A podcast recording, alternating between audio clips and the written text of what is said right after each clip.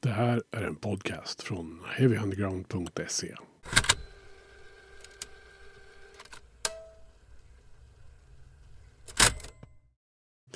Heavy Underground gräver i musikhistorien och släpper ett gäng specialavsnitt som vi kallar för klassiker. Och eh, jag som säger det heter Magnus Tannegren och i det här avsnittet så ska vi avhandla inte bara en utan två skivor. Eller kanske till och med nästan tre. Det beror ju lite på hur man räknar det där. Men det det handlar om är i alla fall Napalm Death och eh, skivan Skam, alltså debuten från 1987. Och uppföljaren From Enslavement to Obliteration. Den förstnämnda upptäckte jag själv på ett kassettband som cirkulerade på högstadiet. Och eh, det här är en av de där skivorna som i alla fall för mig slog in en jättestor dörr till om hur hårdrock kunde låta. Eller hård musik överhuvudtaget. På den här tiden, runt 1987-88 sådär, så uh, var ju det som folk lyssnade mest på när man sa att man lyssnade på hårdrock. Bon Jovi och Europe och sånt där. Napalm Death var ju någonting helt annat. Och för att prata om de här två skivorna så har jag bjudit in en gäst som kan mer om det här än många andra skulle jag tro. Han heter Anders Jakobsson. Han har spelat trummor med de svenska grindcore-legenderna Nasum. Och numera så bankar han i Axis of Despair och många andra band. Dessutom så har han ett förflutet i punkgruppen Charles Hårfager. Som är en av mina personliga favoriter från början av 90-talet. Så det är med stort nöje jag säger välkommen till Anders Jakobsson här i Heavy Undergrounds podcast. Där vi i det här klassikeravsnittet ska prata om Napalm Death, om skam och From Enslavement to Obliteration. Varsågoda. Jag får väl önska dig Anders Jakobsson välkommen till Heavy Undergrounds podcast. Ja, vad roligt. Eh, tack. Eh, du är här för att vi ska ju prata om två skivor med Napalm Death. Uh, Scum och From Enslavement to Obliteration. Mm. Så liksom kalla in dig här som ett expertvittne. oj, oj, oj. Ja, vilket ansvar. Men jag ska göra mitt bästa. Ja, precis. Du är ju känd från band som eh, Nasum, Axis of Despair, Charles Hårfager och Coldworker och en hel del annat. Mm. Så jag tänkte att du hade en CV liksom som passar in rätt bra på att kunna prata om grindcore. Ja, eh, i alla fall eh, två av de banden du rabblade upp. Eller i och för sig tre. Kanske inte så mycket Charles Hårfager, men de andra har ju ändå mm. tydligt släktdrag till, till Napalm Death och den musik de har skapat. Helt klart. Ja precis. Men om vi börjar lite så här, vad, vad är det du tycker är bra med grindcore? Jag menar, du har ändå ägnat ganska lång tid åt att spela grindcore. Ja, det var den enklaste frågan att börja med här. Ja, ja. Eh, nej, men man kan väl säga så här att jag har väl alltid sett grindcore som en av de här uh, subgenrerna till, ja, till punk och hårdrock, eller metal kanske man ska säga som, som aldrig har liksom blivit för stor på något sätt. Den har liksom inte lämnat, den har alltid haft ett, ett ben kvar i, i underground-scenen på något sätt. Visst, det finns några stora namn som man kan rabbla upp. Bland annat Napalm Death, bland annat Nasum förstås, som, som syndes och hördes och, och släppte skivor på hyfsat välkända skivbolag. Men det finns ju en, en enorm undergroundkultur kvar i den här genren. Och det är ju fräckt på sitt sätt att, eh, att det ändå liksom... Det är en av de här sista som har en eh, tydlig koppling till underground-scenen kvar. Sen är ju musiken väldigt så här, kompromisslös och eh, härlig i sig. Det är därför jag har lagt väldigt många år av min tid och skrivit otroligt många låtar i den här världen. Eh, så att eh, dess eh, status och den energi som den ger är väl det som eh, triggar mig, tror jag. Ja. Har du någon sån här förklar orsaksförklaring till grindcore? Var, var kom den ifrån? Liksom, det är ändå... Eh, det är väl mitten på 80-talet vi pratar liksom någonstans där det föds. Mm. Ja, men jag tror ju att det finns väl... Om man tittar på eh, punk och hårdrock i synnerhet så har det väl alltid varit någon slags kapplöpning om att bli extremare, snabbare och så vidare. Och det, det är väl kanske egentligen en, en sorts... Eh, det har nog funnits i andra genrer också att man hör någonting, man tar ett steg vidare och sen de som man tog någonting ifrån tar nästa steg. Det är ju, till exempel ett klassiskt exempel är ju eh, The Beatles och Beach Boys som liksom gjorde skivor som triggade varandra att, att eh, göra bättre grejer på, på 60-talet och sådär. Så jag tror väl att det är lite samma sak här på något sätt fast eh, avsevärt skitigare på sitt sätt. Då. Att, eh, att det hände saker både i Europa och i USA som på något sätt spred sig via kassetter eller eh, sjutummar eller vad som helst och sen fick band att ta nästa steg. För jag tror mm. att eh, när vi kommer att komma in på och prata lite om var Nebon Death kommer ifrån så får det sin naturliga förklaring att, att det här på något sätt är det orsaken till att det blivit som det blivit. Sen, sen kan man ju debattera i evigheter när grindcore i sig föddes och vilket som var det första grindcore-bandet. Och eh, mm. det, jag vet inte ens om det finns något exakt svar på det. Jag kan, jag kan inte ge dig det om du skulle ställa den frågan. Nej, det är väl som när man försöker reda ut när punk egentligen uppfanns. Liksom. Ja, jo, men det är ju så strömningar som sker parallellt på något sätt. Och sen helt plötsligt så är vi framme i någonting som får ett namn och sen etablerar sig det då. Ja.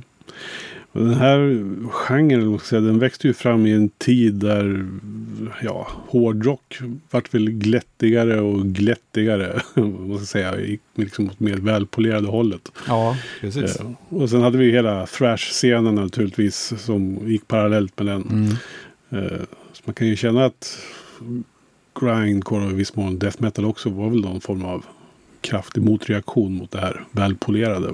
Ja, ja precis. Men det är, det är ju som du säger, vi har ju både för att hamna i grindcore och death metal så behövde vi hardcore och thrash.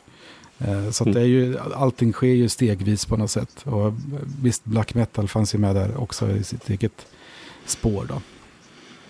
Ja, precis. Men du, kommer du ihåg första gången du ens hörde talas om Napalm Death? Ja, jag har grubblat över det här faktiskt för att Eh, ja, eh, min väg till, till Napalm Death och annan extremmusik kommer som eh, för många andra i, i min ålder eh, via kommersiell thrash egentligen. Eh, för det var ju det man, man kände till. Det var Metallica och Anthrax och Slayer, de här riktigt stora banden. Och jag hade väl ingen direkt vetskap om att det fanns en, en underground-scen och att det fanns band som inte släppte skivor men som skapade musik. Och, och att det fanns eh, andra genrer på det här trädet som, som liksom fanns. Så att eh, för mig, jag har en, en, en, tydlig startpunkt från när jag upptäckte den här typen av musik. Och det är 1988 när jag var på Metallica eh, Damage Justice-turnén i, i Stockholm. Och efteråt, på väg till bilen, så ser jag massa kataloger ligger på backen. Och då är det från Chicken Brain Records. En, en eh, härlig mailorder som, och distributör som var de som faktiskt eh, lanserade Eric, eh, eh Eric-bolaget eh, i, Sverige. Så jag bara rafsade åt med en sån där, för jag tyckte det här, någonting i det här känns spännande. Och där liksom läste jag om alla de här tidiga Eric-släppen eh, och massa annat. Och, och så ledde det till att jag började beställa eh, udda skivor och sådär. Så där någonstans tror jag att jag liksom hörde talas om Nepanet. Det är möjligt att jag liksom hört det tidigare när någon har pratat om så här att det är världens snabbaste band eller något sånt där. För att jag tyckte det var så jävla fräckt. Men jag kan liksom inte riktigt säga, jag kan inte minnas om jag hörde Skam och From Enslavement innan jag faktiskt fastnade pladask för Napalm Death när eh, Grind Crusher-samlingen kom från Eric. Och eh, i samband med den även den här EPn eh, som heter Mentally Murdered som var deras tredje släpp om man säger så. Och jag tror nog att det var nog så att jag sen letade mig tillbaka till de tidigare plattorna.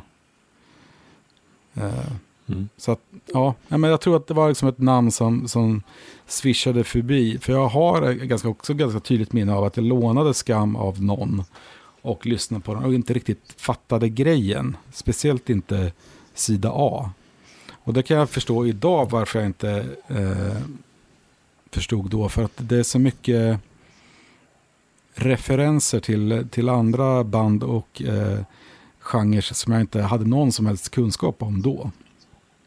Mm. Och jag minns också väldigt tydligt att jag stod i en av eh, Örebros skivaffärer och bläddrade i någon back och hittade From Enslavement och eh, tittade på den och eh, stod där och liksom fnissade för mig själv för att skivbolaget heter Earache, tyckte jag var så jävla roligt. Så, så att eh, det, det, finns så här små, små minnesfragment då, som ändå leder fram till att jag i samband med Grind Crusher och Mentally Murder verkligen fastnade för dem.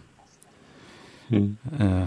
Ja, själv, själv tror jag att jag första gången jag ens hörde Napalm Death eller såg namnet var nog på en kassett som cirkulerade på högstadiet. Så här, som någon hade och som piratkopierades friskt. Eftersom ja, det, det lät som det gjorde och det var ju lite så här, man var ju hårdrockare så man letade ju kanske efter det här är mer och mer extrema. Ja. Uh, men jag kommer ihåg att just den där kassetten kommer jag ihåg att det var Skam på ena sidan och sen så var det kan ha varit Misfits, Walk Among Us på den andra. ja. Och den där, hade man den kassetten liksom då, då var man den extremaste av alla i lilla Kolbäck där jag kommer ifrån utanför Västerås. Ja, ja. och det ville man ju vara. Ja, man ville ju vara hårdare, hårdare än snubben med Slayer-patchen på insvästen. liksom. så, så det var ju lite så här, på något sätt kändes det lite så här hemlig grej också över Nepal Death eftersom det var liksom så extremt mm. i sitt sammanhang. Mm. Så, ja. Ja, roligt. Eh, men vad ska man säga om bandet Napalm Death? De hade ju ganska... Alltså, de släppte ju skivan 87 men det var ju liksom... De hade ju en historia innan det och sådär. Vad, vad kom de från för scen skulle du säga? Ja, eh, nu har jag läst på lite här eh, för att kunna svara på det. Och det är lite intressant för att de bildades så tidigt som i mitten av 1981. Och då kan man ju misstänka att det inte lät speciellt mycket grind och förmodligen inte speciellt bra heller. Men Nej. vad som ändå är intressant med det, det är att det är två nyckelpersoner då som figurerar i så tidigt. Och det är Nick Bullen, eller Bullen som vi borde säga på svenska. Vi säger Bullen i det här sammanhanget, det är mycket roligare. Ja, det tycker jag också. Och sen en som heter Miles Ratledge. Eh, och de här verkar, de, de verkar liksom varit kärnan i bandet som har haft otroligt många medlemmar som har hoppat in och ut. Precis som det är liksom när man startar ett band när man är i tonåren som de här personerna var. Och eh, om vad man läser så, så beskrivs ju den tidiga, det tidiga Napalm Death som någon slags anarkopunk, vad nu det innebär. Men de gjorde ändå fyra demos under åren 82 till 83. Och eh, det här är väl kanske demos med rätt stora citattecken runt för att jag tror att det handlar om replokalsinspelningar som de tvingade på sina eh, nära och kära. Eh, jag, jag, har kollat lite på låtlistorna och det är, det är inga låtar som, som senare har blivit någonting. Det är, det är någon titel som går igen men det, det tror jag liksom bara är att den har liksom följt med. Eh, mm. Men sen eh, så verkar det ha varit någon, någon form av eh, uppehåll innan de kom igång på allvar då, i mitten av eh, 1985. Då Justin Broderick eh, anslöt. Som då är med på första halvan av Skam. Och här börjar väl då förmodligen det som vi känner som Nepan Death-soundet att, att bildas då. Det nämns att de plockar inspirationer från postpunk. Eh, Killing Joke och Amebix nämns där. Och eh, Discharge och thrash metal. Eh, speciellt Possessed och Celtic Frost. Och det är ju någonting man verkligen kan höra i tidiga Death. Mm. Och här gjordes det också då eh, ett par demos. En, alltså demos som gavs ut. En som heter Hatred Surge där man eh, på omslaget, finns på Metal Archives kan man titta, så är det ju faktiskt den nuvarande Nepan Death-loggan i någon tidig variant, men det är ju, det är ju den liksom. Så att är det någonstans det verkligen börjar så är det ju här då. Och så gjorde de ju faktiskt en mm. demo som hette From Enslavement to Obliteration. Lite lustigt. Mm. Och eh, de, de här demorna har ju då låtar som sen hamnade på Skam. Ja, precis. De kommer från Birmingham. Det är väl...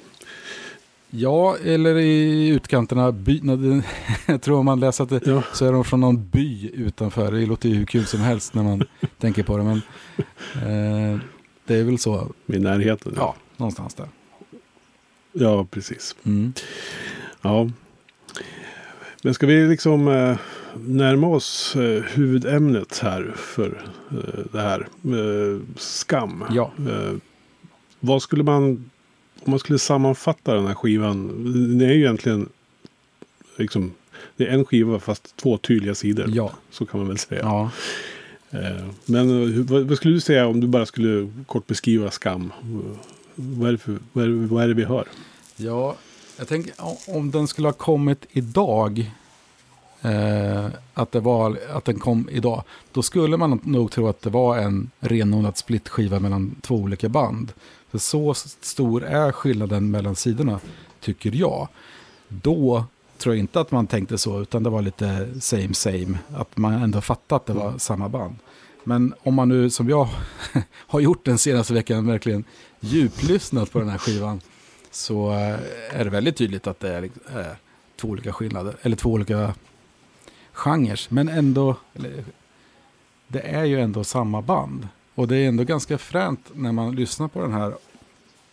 Och redan i den, det är ju först, den första låten är ju egentligen någon slags eh, Ja, det är ju ett, som ett maffigt intro på något sätt med, med sång som på sätt och vis knyter an till någonting som Nepandet gjort väldigt mycket också, nämligen de här lite mer industriella eh, experimentgrejerna som det har gått lite, lite som en, ett parallellt spår i deras musik. Så det är ju lite mm. lustigt att skivan börjar så. Men den första riktiga låten, Instinct of Survival, den tycker jag den har liksom alla inslag som man kan förvänta sig av en Nepan Death-låt även idag. Den har lite det här sega Celtic Frost-aktiga tugget och sen liksom snabbt och lite mors om vartannat sådär. Så för mig är det ganska, det finns liksom det här tydliga Napalm Death-soundet redan i, i den första låten. Och eh, jag ser ju att, eh, att det, det, liksom, det är någonting som fortfarande finns i den nya skivan de gör också. Även om man kanske inte direkt skulle göra den kopplingen om man skulle växla mellan Instinct of Survival och, och någon låt från senaste plattan så kanske det skulle vara väldigt av, eller kännas väldigt konstigt sådär. Men för mig är det liksom, det finns, Nepaneth, DNA finns där. Den här myggan i bärnstenen är där liksom redan i första låten.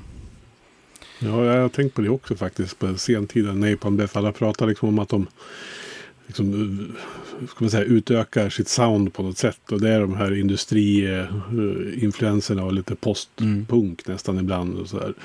Men som du säger, det är ju både på Skam och kanske den efterföljande plattan också. Liksom. Ja. Det finns ju grejer som man tänker att men det här har de ju liksom gjort förut. Liksom. Ja. så det är Nej. inte så konstigt. Liksom. Nej, men det är, det är lite kul sådär om man, om man verkligen går in i plattan så som jag har gjort nu. Och jag mm. tänkte, jag har ju på mitt exemplar av, av skivan, jag har ju eh, med en sån här så kallad hype sticker på omslaget. Där står det ju så här, vilket är lite intressant av mig i sammanhanget. Debut album of the, world, of the undisputed world fastest band. Uh, eh, 28 songs of intense maniac and savage brutal hardcore thrash. Och det intressanta där det är ju att det inte står grindcore någonstans här. Så jag tror inte att, att det begreppet fanns vid den här eh, tiden när den här skivan kom ut. Och eh, för sida A skulle jag vilja påstå är, är liksom en hardcore platta med några låtar som, som drar upp tempot ordentligt. Då, typ The Kill som jag skulle vilja säga är den första grindlåten. Men i övrigt, det, det är ju ganska lik, likt, eh, det är liksom snabb hardcore. Så att det är, de är inte framme i grindcore på första sidan skulle jag vilja påstå. Nej. Och det är också några liksom längre Alltså Siege of Power är 3,59 lång. Det är ju liksom otroligt långt i sammanhanget. det är ju nästan, pro, nästan progrock Ja, i sammanhanget. Och så balanseras det givetvis upp det med You Suffer på en sekund. Men, eh, men eh, Instinct of Survival också en ganska lång låt och, och titellåten Skam också lång. Så att, eh, mm, ja, den här, och det är det jag lite var inne på förut, att varför jag inte riktigt gillar den här när jag hörde den första gången är för att det, det finns så mycket spår till äldre hardcore, till annan sån här experimentmusik som, som jag inte hade koll på då. Så att jag gillar den ju bättre nu än jag gjorde då. då. Ja. Och sidan A, det, det är liksom, då är de ju en trio jag har fattat. Ja. Alltså, det är ju Precis. det är ju Nick Ballen, Justin Broderick och Mick Harris Ja, då, på trummor. Ja. Mick Harris hade ju till, på något sätt tjatat sig in i bandet som någon slags superfan när den här uh, Miles, eh, som var den Ja. ursprungliga trummisen.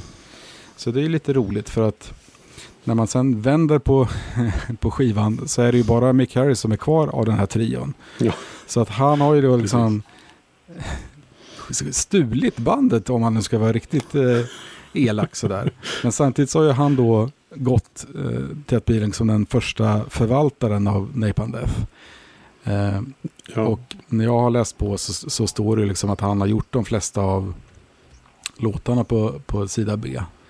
Eh, tillsammans då med bland annat Bill Steer som dök upp där som en ny gitarrist. Mm. Så håll oss kvar lite vid Mick Harris tänker Ja. jag. Han- Som, som liksom, vad har han betytt för dig? Som, du är ju också trummis. ja, Hur, hur ser du på honom liksom i det här? Han, jag skulle kanske inte säga att han har, är någon sådär direkt inspiration på, på samma sätt som eh, många andra trummisar är. Men det är ju tveklöst så att det liksom han utvecklar på de här två skivorna eh, som vi pratar om idag har ju undermedvetet påverkat mig något enormt. Kanske egentligen via eh, Nasums eh, ursprungliga trummis Rickard eh, Alriksson. Som jag tycker, när, när jag lyssnar på de här skivorna så hör jag väldigt mycket av det som, som Rickard plockade upp eh, när han skapade sin, sina trumgrejer till, till de tidiga Nasum-grejerna som sen inspirerade mig också när jag väl tog över eh, vid någon tidpunkt.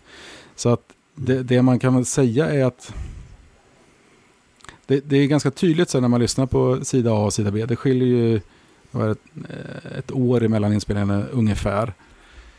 Och eh, Mick Harris blir ju successivt, successivt mycket bättre och snabbare och på From Enslavement är han ju ännu bättre än man är här. Då. Så att det, det, det är ju verkligen någonting som utvecklas eh, ganska tydligt och jag vet inte, han sätter ju någon sorts standard för grindcore trum, grindcore trummande skulle jag vilja påstå. Så att eh, plus att han, han spelar på ett sånt jävla kompromisslöst sätt på något sätt. Det, det tycker jag är så jävla Mm. coolt att det är inte det är inte så elegant på något sätt utan det är väldigt rått från urkraft liksom. Och det är bara att titta på den här superklassiska bilden på baksidan av From Enslavement där han liksom sticker ut tungan och liksom ser ut som en jävla idiot. Eller inte idiot, utan som en galning. Och det är nog så, så såg det ut när han liksom lirade. Att han verkligen gick in för det till, med liksom näbbar och klor. Så att, eh, ja, mm. det är ju fräckt. Det. Var det han som uppfann blast beats? Eh, det tror jag inte. Eh, Nej. frågar man Charlie Benante så var det han som hittade på det. Och det är ju sån lögn så det Ja, finns det. inte några gränser. Värsta jag hört. Det är ytterligare en sån här Ja. Ytterligare en sån här fråga som brukar cirkulera. Som ingen kan svara riktigt på när det liksom händer första gången. Nej. Nej men alltså eh, det är- finns ju några band som, som ehm, några amerikanska band som är inspirerade Death. Det är ju Deep Wound och Siege. Och lyssnar man på dem så är det ju, de är ju där och nosar på blastbitet. Men de kanske inte är riktigt det tempo det bör vara om det nu ska bli en extra, äk, äkta blast. Nej, precis. Eh, sidan A avslutas ju då med Yusafa. Mm. Eh, vi måste ju, alltså det, är en, det här har ju, den har ju blivit lite så här kultstämpel på den där låten. Mm. Eh, om man nu kan kalla det för en låt. Jag vet inte. Det är så här. Det är som en liten... Jag vet inte vad man ska kalla den för. Knappt en sekund lång liksom. Ja, men det är ändå, jag tror att det är tre toner i låten. För det finns en så här, man kan ju köpa Ja. en t-shirt med liksom noterna. Det är ju lite fränt. Ja. Och, eh, och det är ändå liksom fyra ord i den. Så att det är ju, är ju någonting i alla fall. Ja, Liksom. Eh, men visst, det, är- det är ju en rolig grej. Och jag vet inte, eh, om, har du sett den här eh, tv-serien som heter Silicon Valley? Nej. Det är en eh, humorserie om, om så här, techbolag i, i just Silicon Valley. Och där i en, Mm. ett avsnitt är det en person där på det här företaget som programmerar någon dator att spela USAFer varje gång bitcoin ökar i... eh, Det händer någonting med bitcoin. Så det är helt avsnitt när man hör USAFer kanske 20 gånger. Det är liksom fantastiskt. Och det är liksom HBO. Så att, eh, Ja, jag får kolla den. ja.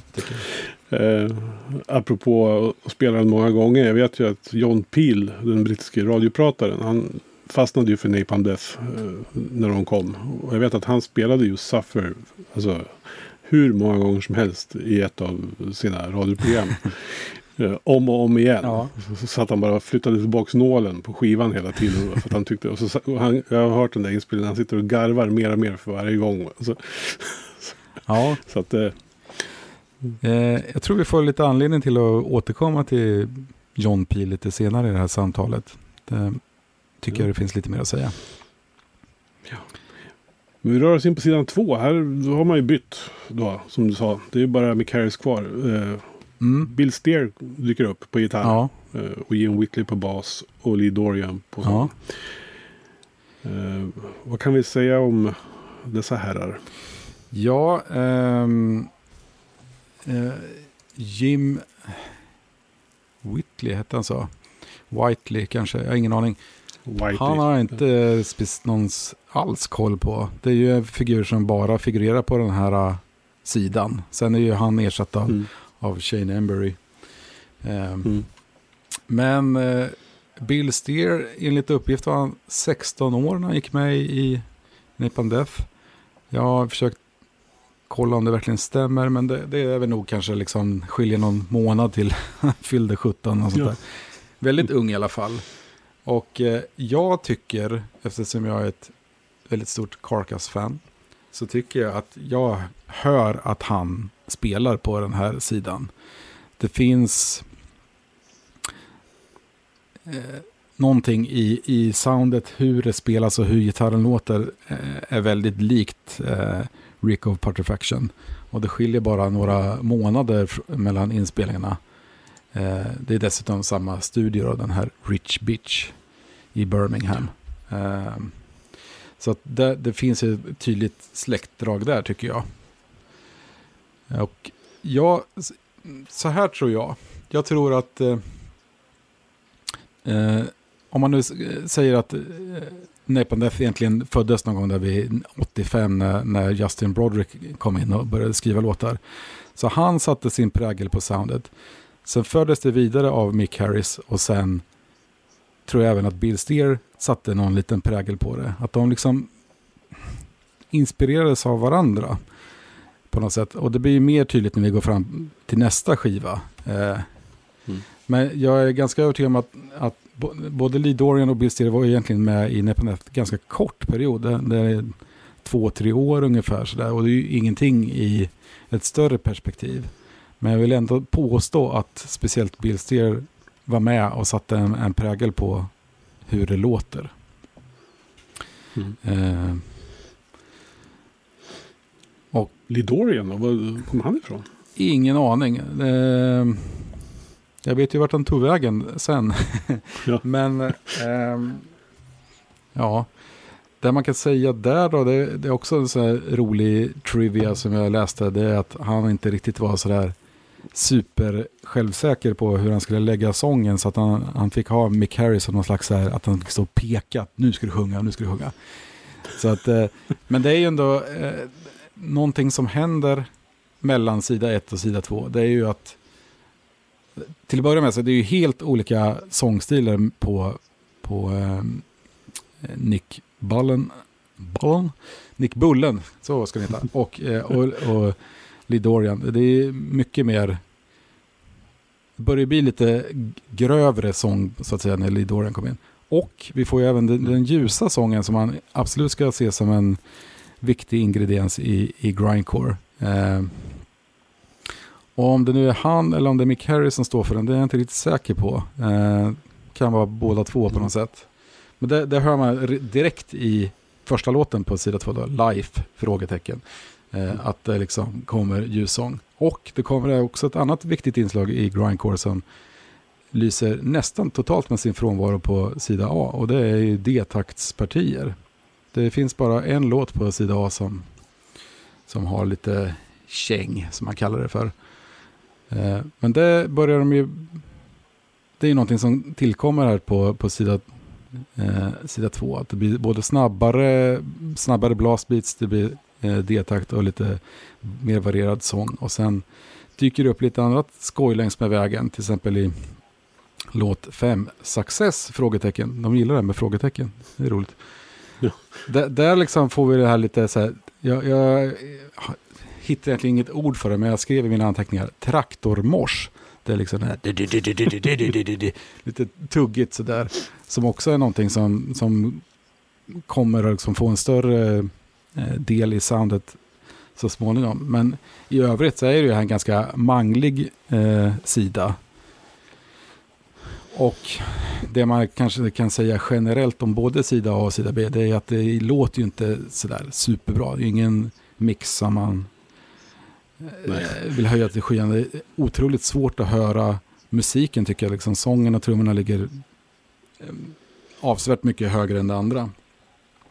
Och det här vet jag ju för att eh, för några år sedan så, eh, så gjordes det en, en hyllningsskiva till hela Skam med massa grindcore från hela världen som, som fick ta varsin låt. Och vi var med där med Axis of Despair. Och mm. Vi, eh, vi fick den sista låten på hela plattan, Dragnet. Och eh, mm. Jag plockade ut den och det var inte det lättaste kan jag säga. Det, man Nej. fick gissa lite. ja. det här tycker jag är så fascinerande med den här skivan. Alltså skam, att man ser, när man vänder på skivan från A till B så sker det ju liksom ett jättekliv på något sätt. Ja. Uh, Eftersom du, som vi har pratat om nu, att det är ju två olika saker egentligen. Ja. Eh, fast de hänger ihop naturligtvis. Mm. Men det man ser, märker så tydligt liksom i, i en och samma, ett och samma släpp. Ja. Liksom, att det tar sån, förflyttar sig en så bra bit. Liksom. Mm. Sånt som andra band gör på två skivor. Liksom. Det gör de mm. På ett släpp här. Ja. ja. Jag tänker också, innan vi släpper den här skivan så tänkte jag att man skulle bara nämna omslaget. För det är mm. också... Dels är det lite fränt för att det är ju en förmodligen 16-17-årig um, ehm, Jeff Walker från Carcass som har suttit med pennan och prickat. Det är en väldigt speciell eh, illustrationsstil han har gjort när han har gjort den här bilden.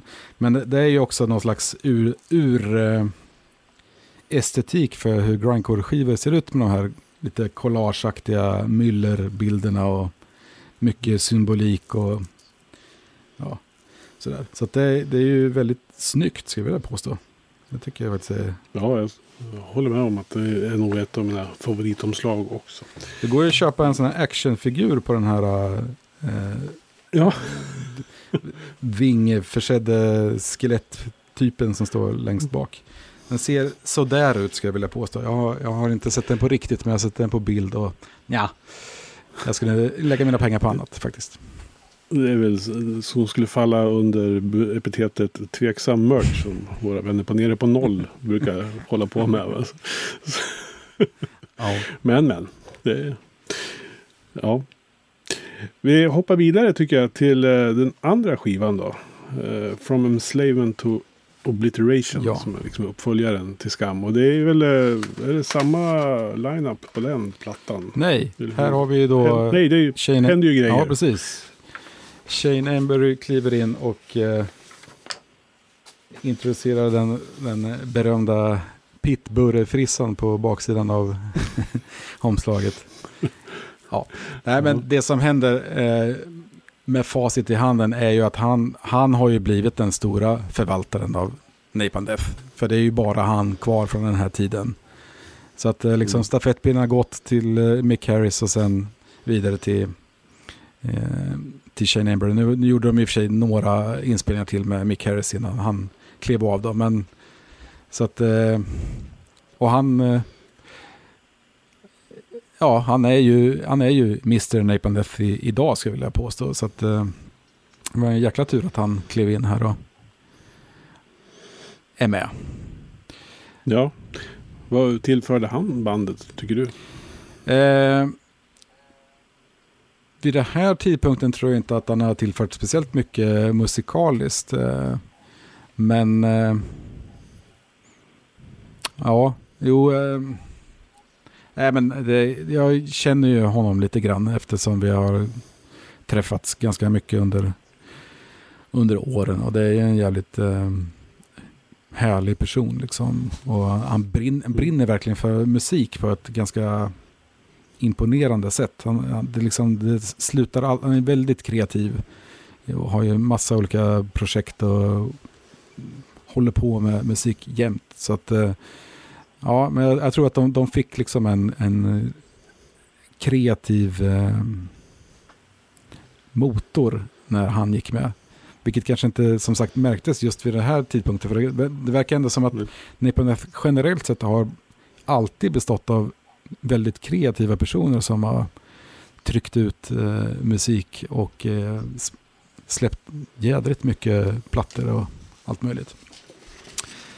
Men men. Eh, men jag, jag, tror på sikt så var det ju väldigt bra att han gick med. För att eh, annars tror jag inte vi hade haft något Nippon Def i, idag faktiskt.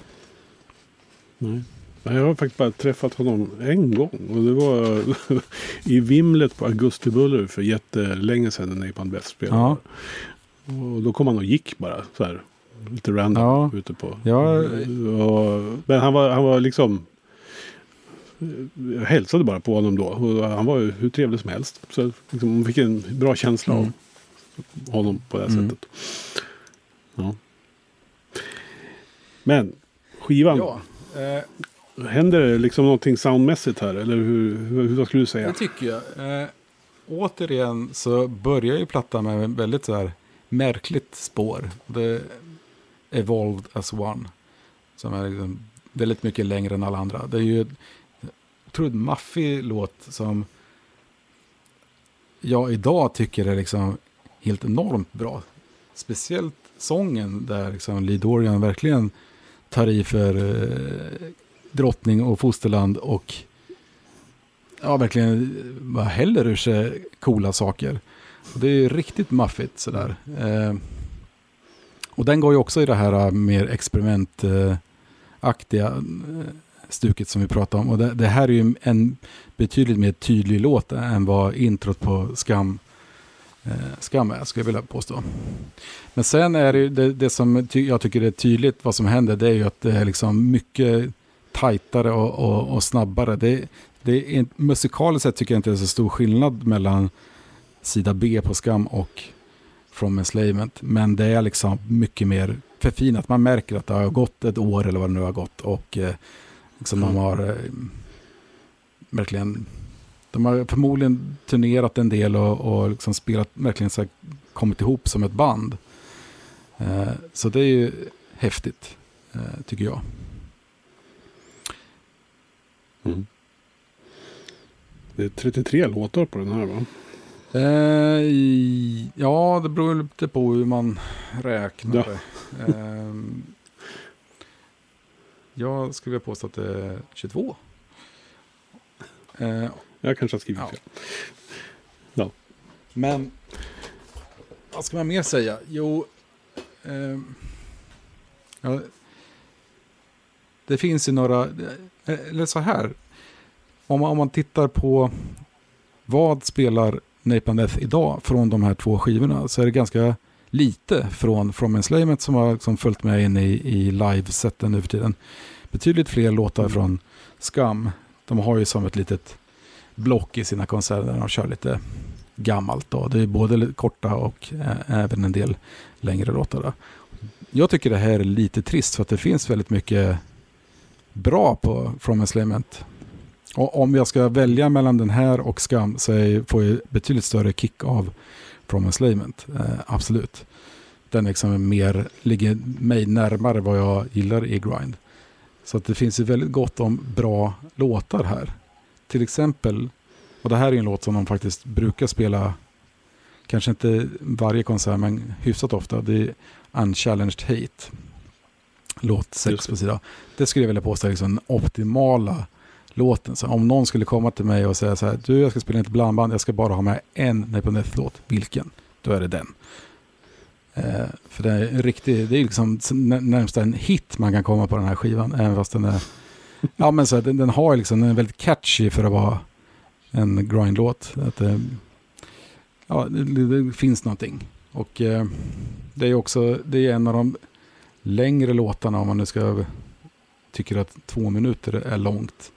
Men eh, eh, i de här lite längre, längre låtarna så jag tycker liksom att Nepal får med någonting mer än bara, bara ös liksom.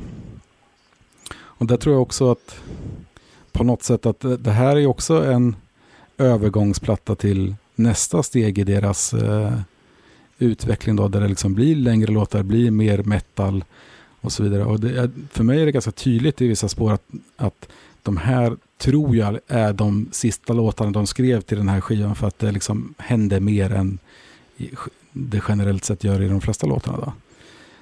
Ett, Mm. ett exempel är den sista låten på sida A, Display to Me, som jag skulle, jag, jag tror att det här är en låt som Bill Steer har skrivit, för den påminner rätt mycket om det, hur det låter på Mentally Murdered EPn. Det liksom finns ett tydligt släktskap där.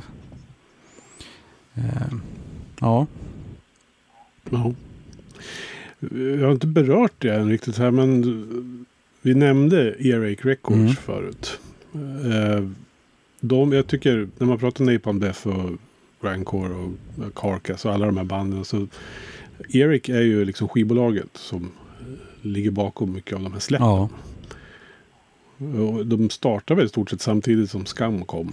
Eh, ja den, eh, den är väl, ska vi se vad det står, Mors 3 står det på, så det är ju deras tredje Ja, släpp då. Eh, ja. Eh, Men vad kan man säga om Erics betydelse för den här typen av musik?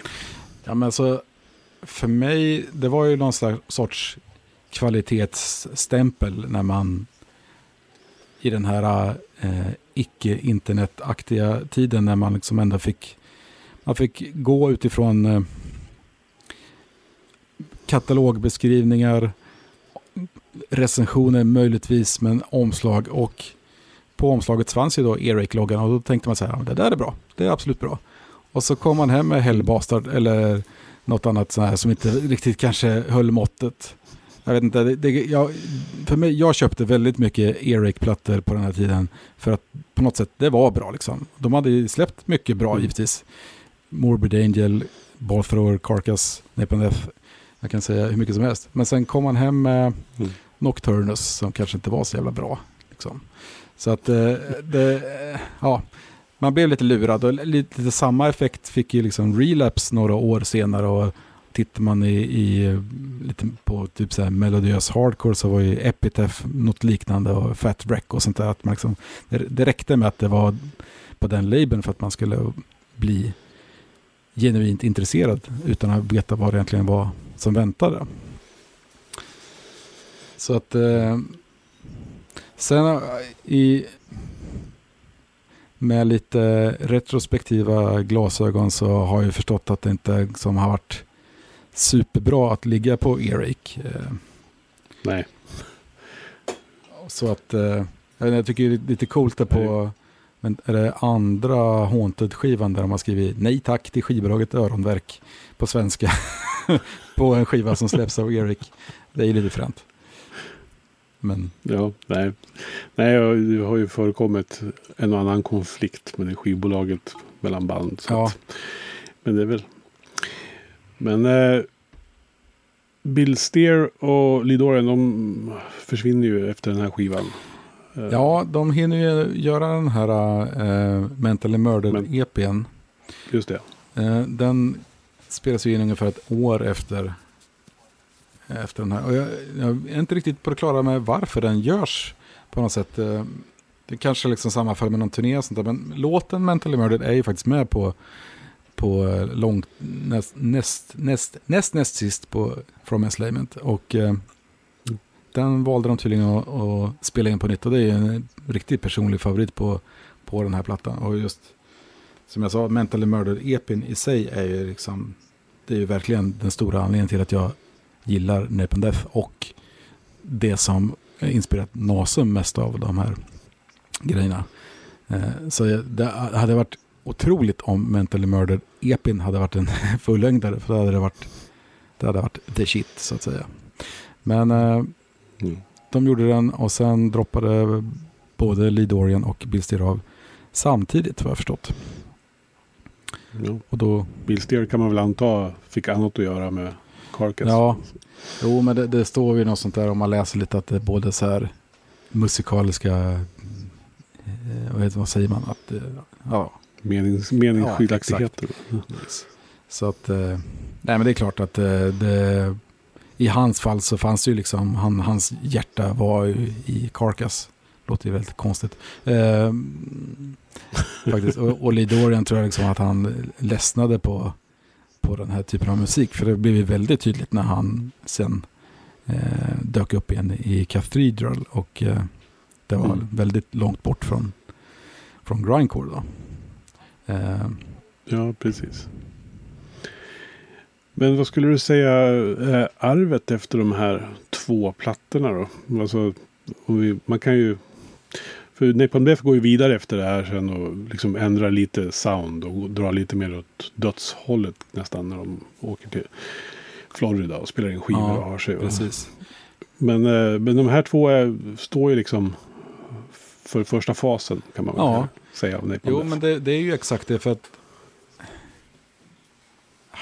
på de här två skivorna och man kan ju plussa på lite andra relaterade plattor också. Jag, jag nämnde ju det att jag ville återkomma till, till John Peel för att mellan Scum ja, och eh, Promise Limit så gör ju Death sin första Peel Session som är kanske det mest brutala man kan höra med det här bandet. Det, jag vet inte vad som hände där för att jag tror att de liksom spelade in med folk som liksom var vana vid att spela in lite mer luftig musik och drog på lite effekter på trummorna. För det, var, det, det är ju sånt ös så att det finns ju inga gränser. Så att det, är man intresserad av att upptäcka Napalm Death då, då ska man ju verkligen inte missa Peel Session-inspelningen också då. Eh. Så att, eh, men sammanfattningsvis då, Scum, Peel Session och eh, From Enslavement då också Mentally Murdered skulle jag vilja påstå det är ju någon sorts eh, grindcore grund på något sätt som, som jag tror att det, det där liksom de flesta plock, an, nya band som, som vill som eh, inspireras av Nepal de, de plockar ju inspiration från de här åren när de här skivorna görs. Kanske inte så mycket liksom mm. eh, Utopia Banished eller någon senare skiva som som eh, på sätt och vis påverkade eh, NASA när vi höll på, eftersom det ändå var lite samtida. Det var ju det som var nytt när vi höll på med bandet. Eh, men det finns ju ändå något sorts grindcore-DNA på de här skivorna som har, har inspirerat mängder av band och förmodligen kom, också kommer att göra det fortsättningsvis. Eh, så det är ju absolut en eh, viktig del i genrens utveckling och även i deras då. För att som jag sa, jag, jag tycker ju att det finns spår av någon slags eh, Napalm Death, eh, jag vet inte vad man ska kalla det för. Det är något, någonting som gör att oavsett vilken skiva av dem jag sätter på så hör jag ju att det här är Napalm Death. Det, det är någonting. Och jag tror ju att, lite som jag är inne på, att det är någonting som har inspirerats vidare från kreativ medlem till kreativ medlem längs med vägen. Då, så. så att, eh, mm. ja. Napalm Death, är det ett band som liksom du har följt från början? När du, sen, du upptäckte dem? Liksom? Eller finns det? Ja, absolut. Eh, eh, som, som jag har sagt hundra gånger där så var det ju Mental Murder-EPn som var liksom min... Det var starten på min kärlek till Napalm Death. Och sen har letat jag mig bakåt till de tidigare skivorna. Mm. Men sen, sen blev det ju liksom att man hängde på successivt med varje släpp. Och det var väl först efter just Utopia Banished som jag såg dem live för första gången när de var på Bergslagsrocken 92 tror jag. Eh, Mm. och sen, sen kom ju de ju till den eh, lite mer de experimentella åren när de började utforska annat och kanske klev bort från grindcore eh, nästan helt och hållet på några plattor. Vilket jag tror att de, de behövde göra det för att sen hitta tillbaks i samband med um, Enemy of the Music Business eh, 99 eller 2000 när den kom. Och sen, sedan Mm. dess har de ändå liksom hittat någon slags balans mellan grind och annat. I alla sina 50-11 000 skivor de har släppt. Det är ju ett väldigt kreativt band fortfarande. Och eh, vi har ju både delat eh, scener och eh, turnébussar genom åren. Så att eh, det är ett band som ligger mig väldigt varmt om hjärtat. Till exempel så om man går in på eh, Metal Archives och, och läser lite det så kan man ju se två av mina forna bandmedlemmar som ex-medlemmar till Napalm Death. Både, både Mieszko och Jesper står som ex-medlemmar. Mieszko för att han hoppade in och sjöng på eh, eh Dist 2000-festivalen när eh, barnen Barney hade fått någon slags flygrädsla och inte ville åka med till Sverige. Och, och eh, eh, Jesper har gjort faktiskt mer än så. Han har ju till och med turnerat som ersättare för just eh, Shane Embury i samband med att hans eh, andra barn skulle födas. Så han inte kunde hänga på på någon Asien-turné av något slag. Och det är ju lite fränt, Mm. men eh, också lite så här, "Hm, varför kunde inte jag fått vara med någonstans? men, men. Livet är inte över än. Ja. Nej, och Napalm Death består. Så att, Ja, precis. Och, och You Suffer kan alla spela. Så att, eh, jag kan hoppa in och göra den då kanske. Du har lyssnat på en podcast från heavyunderground.se. Jag som säger det heter Magnus Tannegren och är den som producerar och intervjuar i den här podcasten.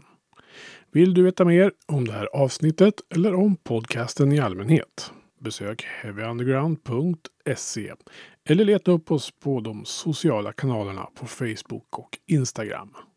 Tack för att just du har lyssnat. Hey, I met you. You are not cool. I know. Even when I thought I was, I knew I wasn't. Because we are uncool. I'm glad you were home. I'm always home. I'm uncool. Me too. You're doing great. You know, the only true currency in this bankrupt world is what you share with someone else when you're uncool.